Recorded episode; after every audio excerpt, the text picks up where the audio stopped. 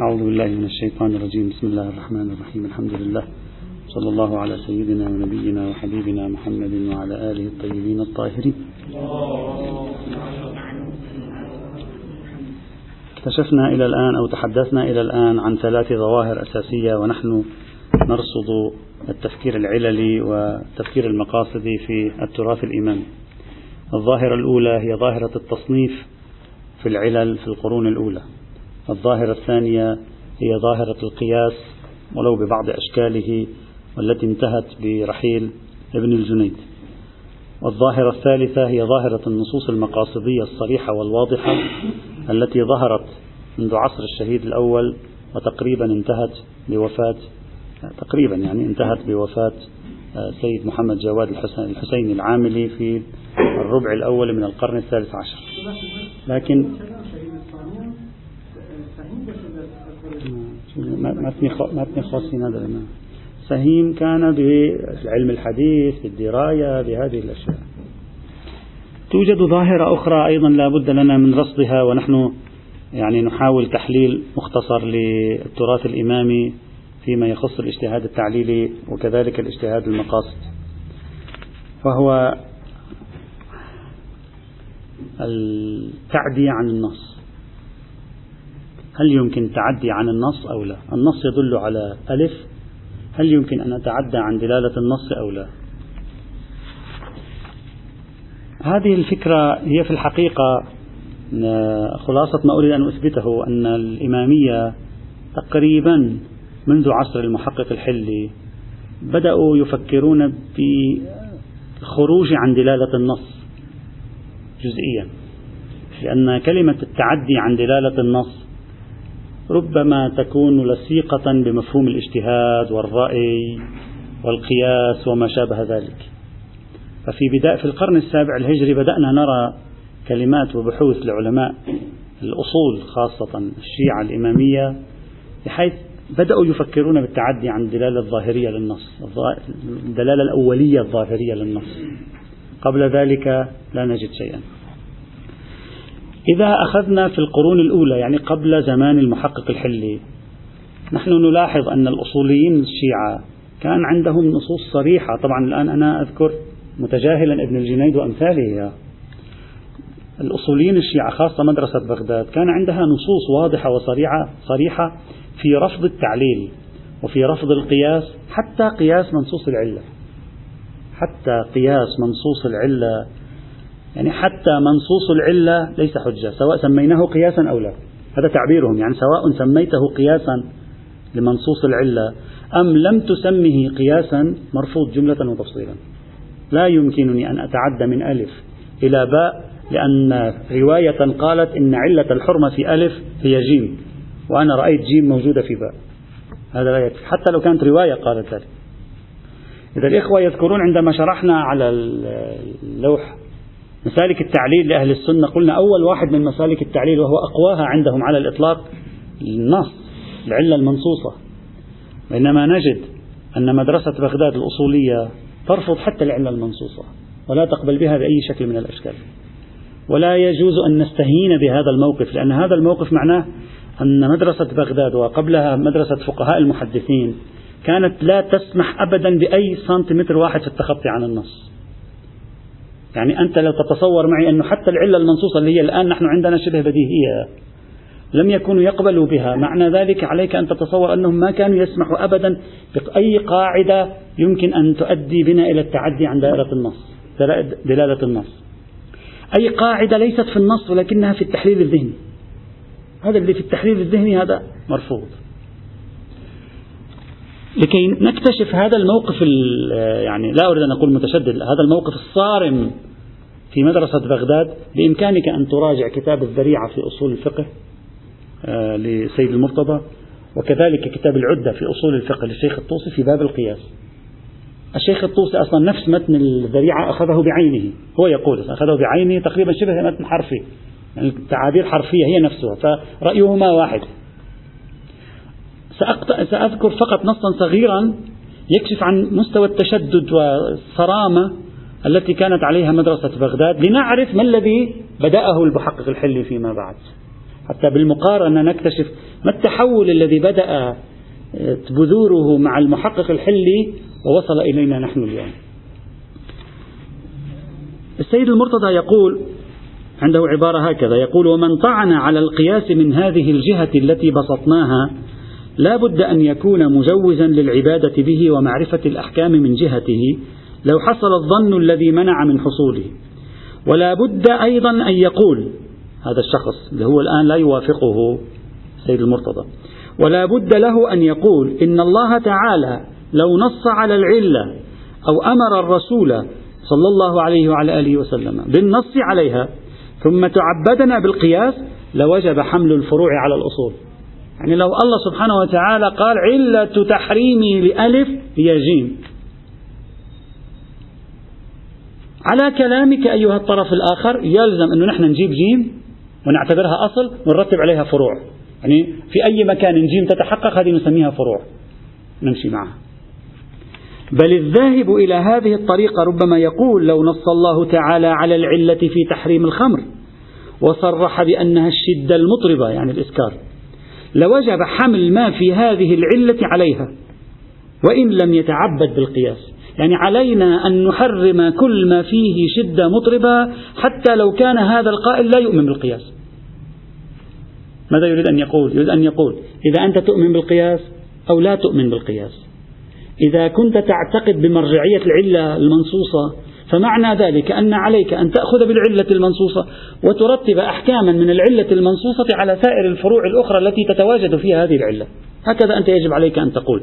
سيد المرتضى يقول لخصمه. شيخ الطوسي أيضا يقول لخصمه. يقول ويجري عنده مجرى أن ينص على تحريم كل شديد. يعني إذا قال المولى حرمت حرمت الخمرة لأنها مسكرة.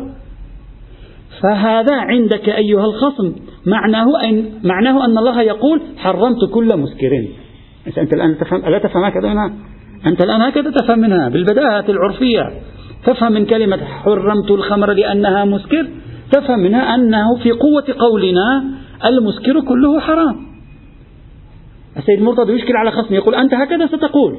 الآن يشكل عليه وهذا غير صحيح. يعني يقول حتى التنصيصات في باب العلية لا لا نسمح به لماذا؟ يقول لأن العلل الشرعية إنما تنبئ عن الدواعي إلى الفعل أو عن وجه المصلحة في الفعل وقد يشترك الشيئان في صفة واحدة وتكون في أحدهما داعية إلى فعله دون الآخر مع ثبوتها فيه يعني ممكن هذا الخمر تكون مسكرة وممكن النبيذ يكون مسكرا والإسكار علة الخمر والإسكار ليس علة والإسكار علة تحريم الخمر وليس علة تحريم النبيذ. يقول ممكن. شوف مدرسة بغداد لأنها تريد أن تصل لنفي القياس أعطت الفروض التي تمنع من قدرتنا العقلية الصارمة على الانتقال. قالت ممكن يكون الخمر ليش حرم الله؟ لأنها مسكر. طيب ما معناها أنه حرم كل مسكر؟ لا. ممكن المسكرية إذا نزلت على الخمر تحرم الخمر. المسكرية إذا نزلت على النبيذ لا تحرمه المسكرية نفسها إذا نزلت على الخمر تحرمه المسكرية إذا نزلت على النبيذ لا تحرمه ممكن. ممكن يقول. ممكن عقلا. ممكن أن يكون العلة في هذا المكان منتجة لشيئين. نفس العلة في مكان آخر ليست منتجة. خذ قواعد العلة في باب الفلسفة والمنطق. فممكن هذه العلة بنحو المقتضي. مكانها ضروري فيها. المسكر عندما يكون في المسكرية عندما تكون في الخمر تنتج الحرمة. المسكرية عندما تكون في النبيذ لا تنتج الحرمة. عقلي؟ هكذا عقلي يقول. يقول ما دام كذلك فإذا لا أستطيع أن أجزم. من أين أحصل على اليقين؟ حتى نجزم اطمئناني وليس عنده يقول لك ممكن كل شيء ممكن. أنت الآن تناقش وتقول دلالة لفظية. السيد المرتضى لا يقبل أنها دلالة لفظية. لكن كل العلماء المتأخرين كما سوف نرى بعد قليل كلهم يعتبرونها دلالة لفظية. بينما السيد المرتضى اعتبرها دلالة عقلية. يعني عملية انتقال عقلي. أنت عمليا عم تقوم, عم تقوم بعملية تعدية عقلية. لأنه حذر من التعدية قال ممنوع. إلى هذا الحد كان المشهد خلال القرون السبعة الأولى. لذلك يقول إلى أن يقول وإذا صحت هذه الجملة لم يكن في النص على العلة ما يوجب التخطي. ما فيه وجرى النص على العلة مجرى النص على الحكم في قصره على موضوعه. وليس لأحد أن يقول إذا لم يوجب النص على العلة التخطي على العلة التخطي كان عبثا. وذلك أنه يفيدنا ما لم نكن نعلمه لولا إلى آخر كلامه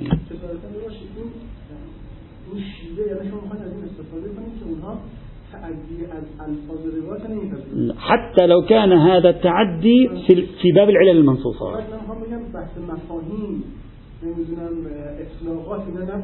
هذه دلالة حتى هذه المفاهيم هو بعض المفاهيم لا يقبلونها لنفس هذا السبب. بعض ال... نعم. دلالة لفظية يقول دلالة لفظية. هنا لم يخطر في بال يعني لم يقبل أنها دلالة لفظية. لذلك أنا إذا إذا تذكرون في بداية الدرس قلت هل موقفهم من التعليل كان لأجل أن لا يتورطوا في القياس أو أن موقفهم من القياس كان لأجل لأجل أن عندهم مشكلة معرفية مع التعليل.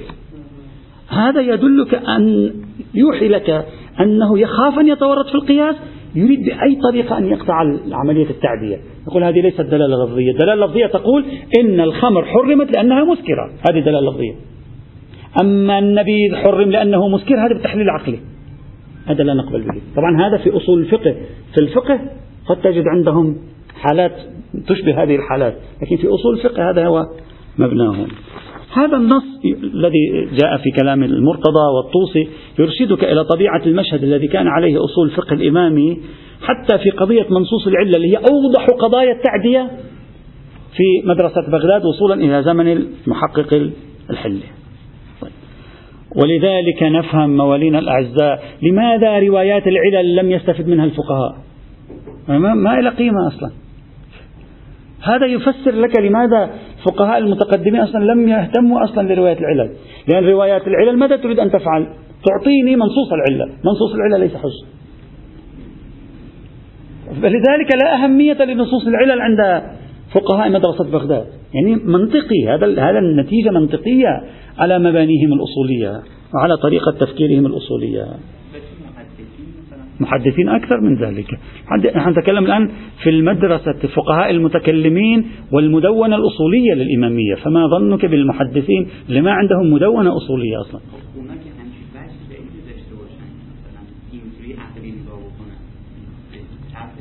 لا لا ليس موضوع عقلي موضوع تعدي عن النص. ليس موضوع عقلي. موضوع أنك أنت تعمل عقلك في حصول على حكم جديد. هل هذه الرواية تقول النبيذ حرام؟ لا. كيف عرفت أنت النبيذ حرام؟ فعلت شيئا في ذهنك هو في الحقيقة تركيب أقيسة. هذا النشاط الذهني رأي.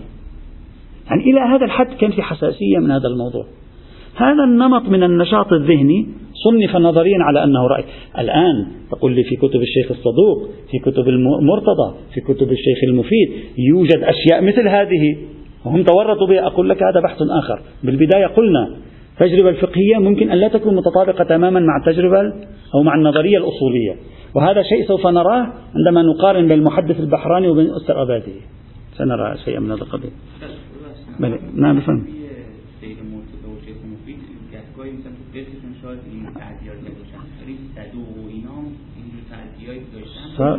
الصدوق أصلا أين عنده يعني بحث فقهي تستطيع أن تفهم طريقته الاستدلالية. متن المقنع هو نفس روايات لذلك السيد البروجردي يعتبر المقنع رواية مرسلة. تستطيع تأخذ الآن أي نص من المقنع تقولها رواية مرسلة. طبق عليها قاعدة تسامح لا تجد موارد في التطبيق لكن نظريا لا تستطيع أن تتنبأ. لأننا رأينا موارد عند الشيخ الطوسي والمرتضى قد يصدق عليها هذا لكن مع ذلك نظريا لا يوافقون عليه. هذا طبيعي يعني ممكن فقيه يقول لك يحمل اللفظ على معنى غير ظاهر رغم أنه يقول بحجية الظهور فقط. تحدث مثل هذه المفارقات في التجربة الفقهية بين النظرية وبين التطبيق. هذا شيء عادي لا يدل على أنهم غيروا رأيهم خاصة إذا كان عدده عدده قليلا. بعد هذه الفترة بيجي عندنا نص المحقق الحلي المتوفى 676 للهجرة وذلك في كتاب معارج الأصول. في كتابه معارج الأصول المحقق الحلي لأول مرة يستخدم مفردة الاجتهاد وينسبها للإمامية. لا تستهن بهذا الأمر. يعني لأول مرة يقول نحن الإمامية نؤمن بالاجتهاد. نعم. لأنه طيلة سبع قرون إذا تقول نحن نؤمن بالاجتهاد فهذه سبة. فهذا عار. لأنك أنت تقول يقولون بالاجتهاد ويقولون بالاجتهاد.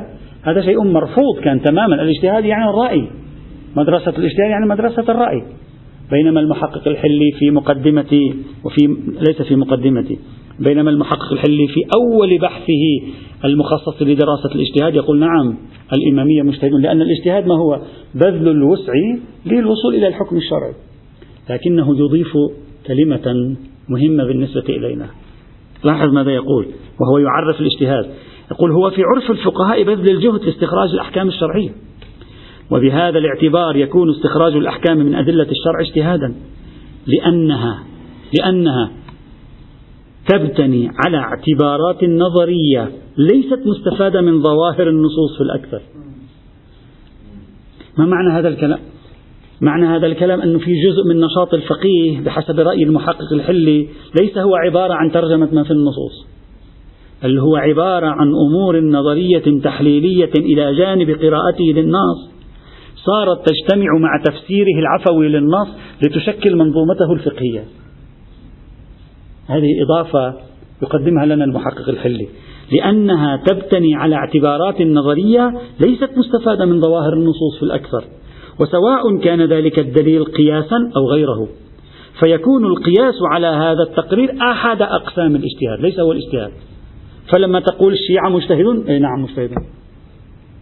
مش معنى ذلك أنهم يقولون بالقياس؟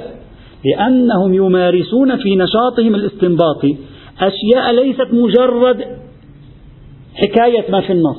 يعني ليس فقط أن يقول قال الله قاتل الكافرين أو قال الرسول كذا. وإنما أشياء إضافية تظهر في كتبهم وتنعكس على شكل فتاوى ولكنها ليست موجودة في ظاهر النص نفسه. إلى جانب النص تحليلات الفقيه ومقارنات الفقيه بين النصوص. اعتبرها المحقق الحلي ليست ظواهر النصوص. لماذا؟ لأنه بعدين راح يتكلم عن العقل. راح تجينا استصحاب حال العقل. استصحاب حال العقل وين موجود في النص؟ منين أنت استظهرته في النص؟ استصحاب حال العقل اللي هو دليل سني. ودخل إلى أصول الفقه الإمامي سني استصحاب يعني أصول فكرة الاستصحاب سنية. ودخلت إلى الفقه الإمامي بعد ما كانت موجودة عند أهل السنة. وين تجد في النصوص؟ وهذه رواية زرارة في تلك الأيام ما حد كان ملتفت إليها أنها تدل على الإستصحاب. التفتوا إليها في القرن الحادي عشر الهجري. فمنين الإستصحاب الذي طبقوه في عشرات الموارد؟ انتبه المحقق الحلي أن هذا شيء إلى جانب النص كان. ليس مستفادا من ظواهر النصوص. لاحظ معي الآن تصور المحقق للعملية الاجتهادية. فإن قيل الآن هو خاف يعني هو حس أنه في مشكلة ستواجهه فإن قيل يلزم على هذا أن يكون الإمامية من أهل الاجتهاد. قلنا الأمر كذلك. ليش خايف؟ الأمر كذلك. لكن فيه إيهام من حيث إن القياس من جملة الاجتهاد. فإذا استثني القياس كنا من أهل الاجتهاد في تحصيل الأحكام بالطرق النظرية التي ليس أحدها أحدها القياس. أو ليس أحدها القياس أو ليس أحدها القياس. هذا النص يعني يعطيك أنه نحن في مكان خارج مجرد دلالات ظواهر الألفاظ. وهذا بالنسبة إلينا مهم. يعني هذا النص لو, لو, لو يقرأ في القرن الرابع الهجري والخامس الهجري حتما كان سيسبب مشكلة لأن طريقة هذا التعبير كانت بحسب فضاء ذلك الزمان تعني أنك سلكت مسالك الرأي رغم أنك لا تقول بالقياس. بل يصرح المحقق الحلي في مواضع أخرى بشيء شبيه من هذا لا نريد أن نطيل. نجي الآن إلى هذا البحث. المحقق الحلي لأول مرة على ما يبدو من الاستقراء والتقصي. لأول مرة يطرح فكرة تنقيح المناط. ما هو تنقيح المناط إذا الإخوة يذكرون في المسالك التعليل العشرة واحد من مسالك التعليل العشرة ما هي؟ تنقيح المناط استخراج المناط. إذا تذكرون لما شرحنا مسالك التعليل القياسي عند أهل السنة ما واحد منها أيضا تنقيح المناط. الآن لأول مرة المحقق الحلي يفتح باب تنقيح المناط. لكن انتبه جيدا ماذا يقصد من تنقيح المناط. تنقيح المناط مقصودنا منها من تنقيح المناط الآن الآن بالحد الأدنى الخروج عن حرفية النص والتعدي إلى شيء خارج إطار النص. يعني بعض القيود المأخوذة في النص نتركها. ونجعل النص يتسع. سأعطي مثال بسيط وفي ونحن نسير تاريخيا سيتضح المثال. مثلا رواية تقول عن سعيد بن أسعد قال جئت إلى الإمام عليه السلام قلت له وقع بول على يدي. فماذا أفعل؟ وأنا من أهل مثلا قال أنا من أهل العراق. وقع بول على يدي. ماذا أفعل؟ قال تغسله مرتين. الفقيه الشيعي اللي هو مسكون بالخوف من موضوع التعدية. طيب هذا وأنا من أهل العراق أو قال جاءه شخص من أهل العراق لعل كونه عراقيا لها دخل في هذا الحكم. شو درك أنت؟ من كيف تطلع من هذه؟ أنت الآن تبتسم تراها بسيطة لأنك تعودت عليها. لكن ماذا لو قال لك فقيه متشدد في أمر القياس؟ قال لك هذا قياس. كيف تقيس هذا الشخص الذي هو في من أهل العراق على وكيف تقيسه على المرأة؟ فتقول المرأة أيضا تغسل هكذا. من ينجي القياس؟ هذا قياس. هو تعدي. ظاهر النص الحكم خاص بالرجل. ظاهر النص الحكم خاص باليد. ظاهر النص الحكم خاص بأهل العراق. أنت شيخنا يعني حاول أن تندمج تمام الاندماج بإشكالية القياس عند الإمامية إشكالية كبيرة. مقصود بإشكالية يعني القراءة النقدية للقياس عند الإمامية. قراءة نقدية صارمة. طيب هذا كيف طلعنا منه؟ ما, ما هذا الفقهاء؟ نعم. لا. الفقهاء هذا مارسوه الآن المحقق الحلي يريد أن يبرر هذه الممارسة. يعني هم مارسوه في الوقت الذي كانوا يرفضون الخروج عن الظواهر. وعن دلالات النصوص. الآن المحقق الحلي يبدو في زمانه. القضية بدأوا يقرؤون تجربتهم خلال 400 سنة سابقة. رأوا أن تجربتهم فيها تعدي عن النص. كيف أفهمه؟ كيف أفسر هذا التعدي؟ كيف لا يكون هذا التعدي قياسا؟ ما الاسم الذي يجب علي أن أضعه على هذا التعدي دون أن أتورط في القياس المذموم؟ بدأوا يفكرون الآن. يعني انتبهوا هذا تحليلي. انتبهوا إلى أنهم قاموا بالتعدي عن النصوص فيما مضى من حيث لا يشعرون وهم الآن يمارسون ذلك فكيف لا يكون ذلك قياسا؟ كيف؟ هذا الذي بعدين نحن صرنا نسميه إلغاء الخصوصية العرفية. كل كنا خلي كلمة عرفي في الأخير تمشي. إلغاء الخصوصية العرفية. تمسك مثلا التعليل عرفا. وضع كلمة عرفا سهلت علينا. لماذا؟ أن عرفا معناته أدخلت في دائرة الظهور. وهذا بالفعل ما حصل. الآن إذا تسأل الفقهاء المعاصرين إلغاء الخصوصية ومنصوص العلة دلالة ماذا؟ يقول لك ليست دلالة تحليلية عقلية دلالة ظهورية. يعني ليست إلا دلالة النص ولا يوجد شيء خارج النص. لأنه يريد أن يحافظ على أنه لم يخرج عن النص. لأنه يخشى أنه لو خرج عن النص سوف يتورط بالقياس. الآن المحقق الحلي يريد أن يفك هذه العقدة. ماذا قال؟ قال الجمع بين الأصل والفرع قد يكون بعدم الفارق. انتبه معي جيدا. هو عندي أصل. وعندي الفرع وأريد أن أسري حكم الأصل إلى حكم الفرع. كيف أجمع بينهما في الحكم؟ يقول الأقول لا فرق بينهما؟ هو هذا إلغاء الخصوصية أنت تسميه إلغاء الخصوصية. هو هذا يعبر عنه في ذلك الزمن بكلمة عدم الفارق. تقول لا فرق بين هذا وهذا؟ هذا وهذا واحد. فالحكم الذي لهذا حكم لهذا وهذا هو تنقيح المناط يعني الخصوصيات الموجودة في باء التي الذهن بتعبيرنا اليوم الذهن العرفي لا يرى لها دخالة وتأثيرا في الحكم نلغيها. نقول هذا وهذا واحد. كيف هذا وهذا واحد؟ نقول نعم لا فرق بينهما. هذا هو تنقيح المناط. انتبه ليس المراد من تنقيح المناط هنا كشف الملاكات والمصالح والمفاسد. أبدا. نحن لا نتكلم عن أحد تعاريف تنقيح المناط اللي هو عبارة عن كشف العلة بمعنى العلة الثبوتية والملاك والمصلحة والمفسدة.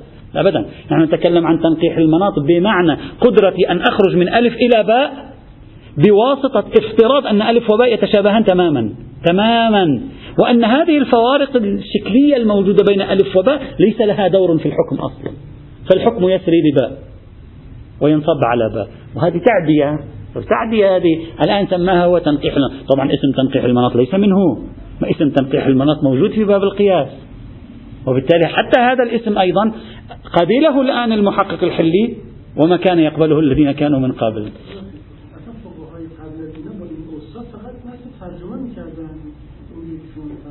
لا.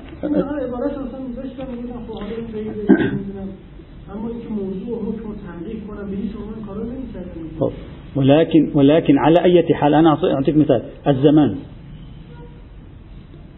الحكم الآن اجى اجى شخص عند الإمام الصادق قال له صار معي كذا وكذا كذا فما هو الحكم؟ تفع أنت تأخذ هذه الرواية دليل أليس كذلك؟ بأي وجه؟ لعلها خاصة بهذا الرجل. الإمام جاوب هذا جوابك الإمام؟ أنت سألت الإمام جاوبك؟ رفعت خصوصية السائل نفسه. ما نفس السائل هو خصوصية. أنت رفعته بشكل تلقائي. ثمة أشياء نحن نرفعها أصلا لا يمكن أن نستنبط أحكام إذا ما رفعناها. يعني لا يمكن أن أستنبط أي حكم إذا ما رفعتها. وإلا أنا أسألك الآن سؤالا بأي وجه أنت تسر الحكم الذي صدر وجهه الإمام لزيد الذي كان في القرن الثاني؟ ليش تسره إلي أنا. كيف تعرف؟ بإلغاء الخصوصية. هو قاعدة اشتراك الحكم. أنت الآن تتعامل مع النص. هذه الوسائل أنت بحاجة إلى قاعدة تنقح اشتراك الأحكام.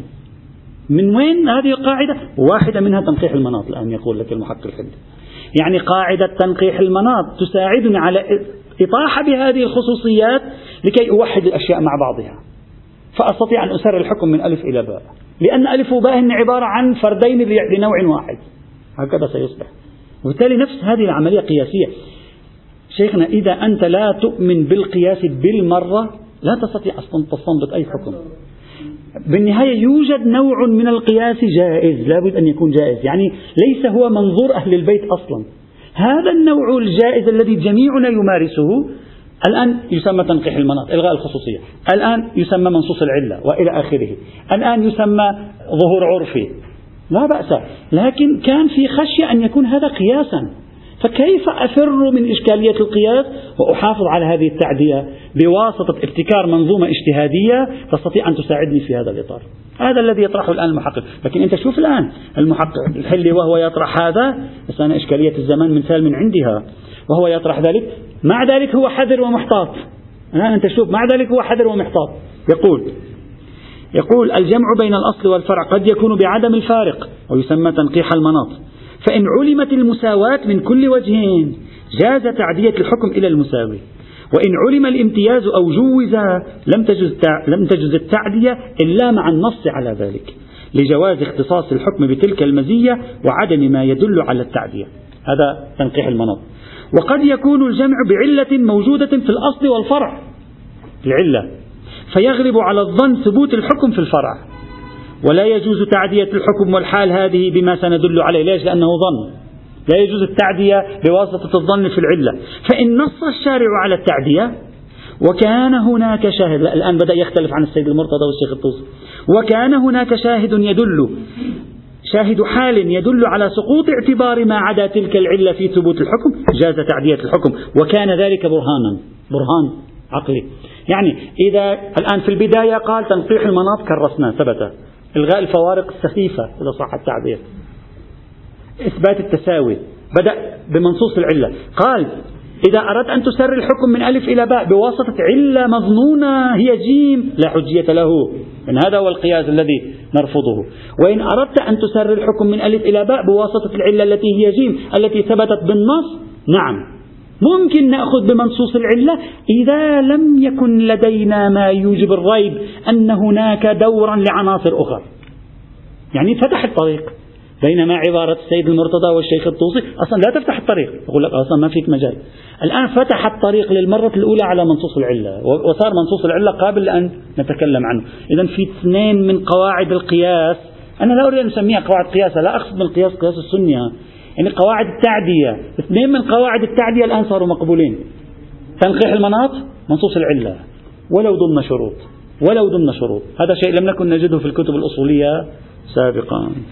وهذا مهم بالنسبة إلينا. لكن مع ذلك تبقى بعض عبارات المحقق الحلي ظاهرة في شيء من الاحتياط.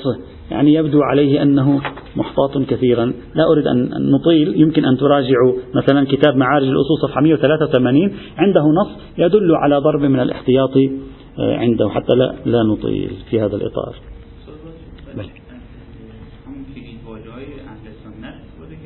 نعم تنقيح المناط تعبير سني موجود في كتب الفخر الرازي والغ... نعم نعم محقق العلة 676 قبله الآمدي والعز بن عبد السلام والرازي. نعم نفس الكلمات تنقيح المناط نعم. أصلا عندهم مصطلحات كثيرة هم السنة القادمة سنتعرض لها. تنقيح المناط تخريج المناط تحقيق المناط وإلى آخره. ويفرقون بينها. تفريقات دقيقة يعني. موجودة تأتي إن شاء الله تعالى. عليها. بعد المحقق الحلي هذه هذه أول يعني كوة في جدار يفتحها المحقق الحلي كما يقال. يأتيك المحقق الكركي. أنا الآن طبعا العلامة الحلي يكرس لا أريد أن أطيل. العلامة الحلي يكرس ما قاله المحقق ويدافع عنه في كتبه الأصولية ويفتح الطريق على منصوص العلة أصلا. خلاص منصوص العلة انتهينا. العلامة الحلي يعني يده لا ليست إذا وضع يده على شيء لا تمر الأشياء بسهولة خلاص يعطيها ختم وبالتالي يصبح لها نفوذ بحسب قوة شخصيته وعلمه. انتهينا دخلت الموضوع. الآن محقق الكركي المتوفى 940 للهجرة عنده رسالة في كتاب اسمه رسائل المحقق الكركي ثلاث مجلدات. في في في أحد هذه المجلدات عنده رسالة رسالة استنباط الأحكام. رسالة صغيرة يقرر فيها قواعد الاستنباط مصادر الاجتهاد. ويقرر فيها المدارك الأربعة التي اشتهرت الآن الكتاب والسنة والإجماع والعقل. هذا التقسيم الرباعي يطرحه هناك ويتكلم عنه. ماذا يقول الاسترأبادي وهو يتكلم عن أدلة العقل؟ يفتح باب العقل؟ العقل الآن صار رسميا معترف به. يفتح باب العقل ويذكر وجوه استخدام العقل. وجوه استخدامنا للعقل في الاجتهاد. ومنها هذه يعتبرها وين؟ في العقل. هذا كلامكم شيخنا. هذه يعتبرها الآن في العقل. يقول ومنها يعني من أدلة العقل تعدية الحكم من المنطوق إلى المسكوت الذي هو القياس. هذا دليل عقلي. يعني نمط عقلاني آه، تأملي عقلي في التفكير. وقد وقع فيه الخلاف بيننا ليس بين أهل السنة. هذا كلام أنت دقق في هذه العبارات ترى التحولات يقول وقد وقع فيه الخلاف فمتقدمو أصحابنا لا يعملون بشيء منه. وهذا صحيح. نعم نعم. فمتقدمو أصحابنا لا يعملون بشيء منه. والمتأخرون عملوا بما نص على علة حكم الأصل. هكذا يقول. إما بنص طيب كيف نص؟ هلا شوي عبارته قد تكون يعني ليست دقيقة فنية، يعني بما دل، بما فيه دلالة على العلة. كيف تكون الدلالة على العلة؟ قال إما بنص أو إيماء على ما تقرر في الأصول، من هو اللي قررهم في الأصول؟ علامة الحلي. في نهاية الوصول إلى علم الأصول اللي هو من أكبر الموسوعات الأصولية الشيعية في ما قبل القرن العاشر الهجري للعلامة الحلي بالتفصيل بحث هذه القضايا فالعامل به طيب العامل بالقياس أنا جئت بنص المحقق كركب هذه التعابير تهمنا. إذا قضية قضية خلافية سابقا لا وأطلق عليه القياس وفصل بين المتقدمين والمتأخرين وهذا هو الذي أريد أن أثبته أن المتقدمين كانوا على شاكلة والمتأخرين على شاكلة. نعم. فالعامل به يحتاج إلى معرفة هذا النوع من القياس ومعرفة الخلاص عن المبطلات للعلة. هذا التعبير إذا تذكرون لما تكلمنا عن مسالك التعليل في الأخير هنا وضعنا قلنا مبطلات التعليل ست مبطلات يعني ست قواعد هي عبارة عن نواقض التعليل. هذا يسمى هو مبطلات العلة. والتخلص من الأسئلة الواردة في على ما بين في الأصول ومن لا يعمل به بالقياس لا يحتاج إلى ذلك على ما أشاروا إليه في كتبه. ودليلنا على العمل بهذه الأدلة لمنها القياس كذا وكذا وكذا. طبعا هذا النوع من القياس. واضح أن بعض أشكال الأقيسة يبدو بدأ يتم قبوله بتخريجات فتنسجم مع بطلان القياس عند الإمامية. يعني الجماعة بدأوا يفصلون ويلقحون ماذا أراد أهل البيت من وراء إبطال القياس. بدأت تتحول القضية بشكل واضح. طيب. بعد المحقق الكركي بقرن محقق الكركي 940 بعد المحقق الكركي بقرن 1071 متوفى الفاضل التوني. الفاضل التوني اللي هو يعد أحد كبار رموز الأصوليين في زمن الإخبارية. يعني في زمن هيمنة الإخبارية أحد أكبر رموز الأصوليين في ذلك الزمان كان الفاضل التوني. فاضل التوني في كتابه الوافية في أصول الفقه أيضا يتكلم عن ما يسميه المنطوق غير الصريح. شو يعبر عنه؟ المنطوق غير الصريح. وهو ما لم يوضع له اللفظ بل يكون مما يلزم لما وضع له اللفظ. يعني كأنما يريد أن يدخله الآن في دلالات الألفاظ اللي هو الآن مكرس بين عندنا اليوم هكذا في الدلالات الظهورية. فماذا يقول؟ يقول الثاني ما يقترن بحكم على وجه يفهم منه أنه علة لذلك الحكم. فيلزمه جريان هذا الحكم في غير هذا المورد مما اقترنت به ويسمى بدلالة التنبيه والإيماء. دلالة التنبيه ما معنى دلالة التنبيه والإيماء هنا؟ نحو قوله أعتق رقبة. حين قال له الأعرابي واقعت أهلي في شهر رمضان. سأله وقعت أهلي في شهر رمضان؟ قال أعتق رقبة. فماذا تفهم؟ أن الوقاع علة عتق الرقبة. والحكم يدور مدارها. فإنه يفهم منه أن علة وجوب العتق هي المواقعة فيجب في كل موضع تحققت. بعد خصوصيات ما خلاص طلعنا قاعدة. كل مواقعة ففيها مثلا العتق. في شهر رمضان أعطيتها قاعدة عامة. أخرجت الأعرابية الأعرابي أخرجتها ما في خصوصية لأعرابية الأعرابي ولا في خصوصية لكونه يتكلم اللغة العربية ولا في خصوصية لذلك الزمان ولا في خصوصية لكونه مثلا رجلا. كلها أنت عمليا عم تلغيها هذه. طب إذا واحد أصولي واحد رافض متشدد للقياس يقول لك من وين تلغيهم هذا لا لعله في خصوصية للأعرابي. أنت كيف عرفت؟ مثل تفسير الأحلام. يقول لك هذا في خصوصية لذلك الشخص أنت كيف عرفت؟ الآن أنت مستأنس بها. من قال لك؟ تسميها دلالة الإيماء والتنبيه. وهو حجة إذا علم العلية وعدم مدخلية خصوص الواقعة. إذا علم أنها المواقعة هي العلة ولا خصوصية لتلك الواقعة الخاصة التي حدثت مع الأعرابي؟ نعم. خلاص. خرجنا بقاعدة كلية.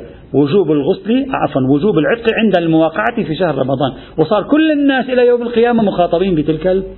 ليش؟ لأن خصوصيات تلك الواقعة ذكوريته أعرابيته عربيته زمانه مكانه حذفناها. وين أدخل هذه أدخل في الإيماء والتنبيه أدخل في دائرة الدلالات اللفظية المنطوق غير الصريح. حتى لا يتورط بما تورط به المحقق الكركي عبر عنه دلالة العقل مثلا. فإن مدار الاستدلال في الكتب الفقهية عليه حط سطر تحت هذه الكلمة. أنت لاحظ الآن هو يريد أن يخرج أمرا هو يصفه الآن بأن مدار الاستدلال عليه. يعني كأنما هو ألقى نظرة إلى التاريخ فرأى أن كل استدلالاتنا قائمة عليه فسمع بكلمة القياس.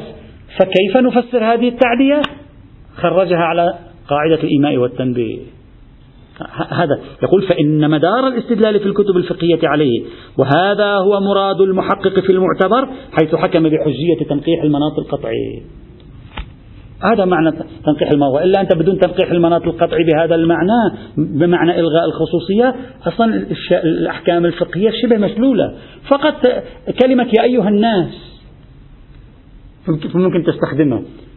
والآن بعض الذين يقولون بأن الشريعة ليست شاملة لزماننا أو كثير من الأحكام ليست شاملة إذا تلاحظونهم الآن يستخدمون هذا. يقول هذه أحكام خاصة مثلا سأله عن ذاك الأعرابي لعلها خاصة بذلك الزمان من أين أنت تعرف؟ هذا قياس. بينما نحن تحررنا من هذه المشكلة في تلك الأزمنة. نعم بعض الذين يبحثون في التاريخية. لا يقولون هذا حكم ذلك الزمان. من أين تثبت أنه لهذا الزمن لا لا لا لا, لا أبدا أبدا. لكن ذهنيته قياسية. لأنه عندما يقول ذاك الزمن فكيف تسريه؟ يعني يقول لك كيف تفعل هذا القياس؟ نعم. في بحث القياس الفاضل التوني ماذا يقول؟ يقول اختلف في حجيته ولا خلاف بين الشيعة في عدم حجيته ما لم ينص على العلة. إذا قياس منصوص العلة صار ثم يقول واختلف أصحابنا في حجية القياس منصوص العلة إلى قول إلى آخره.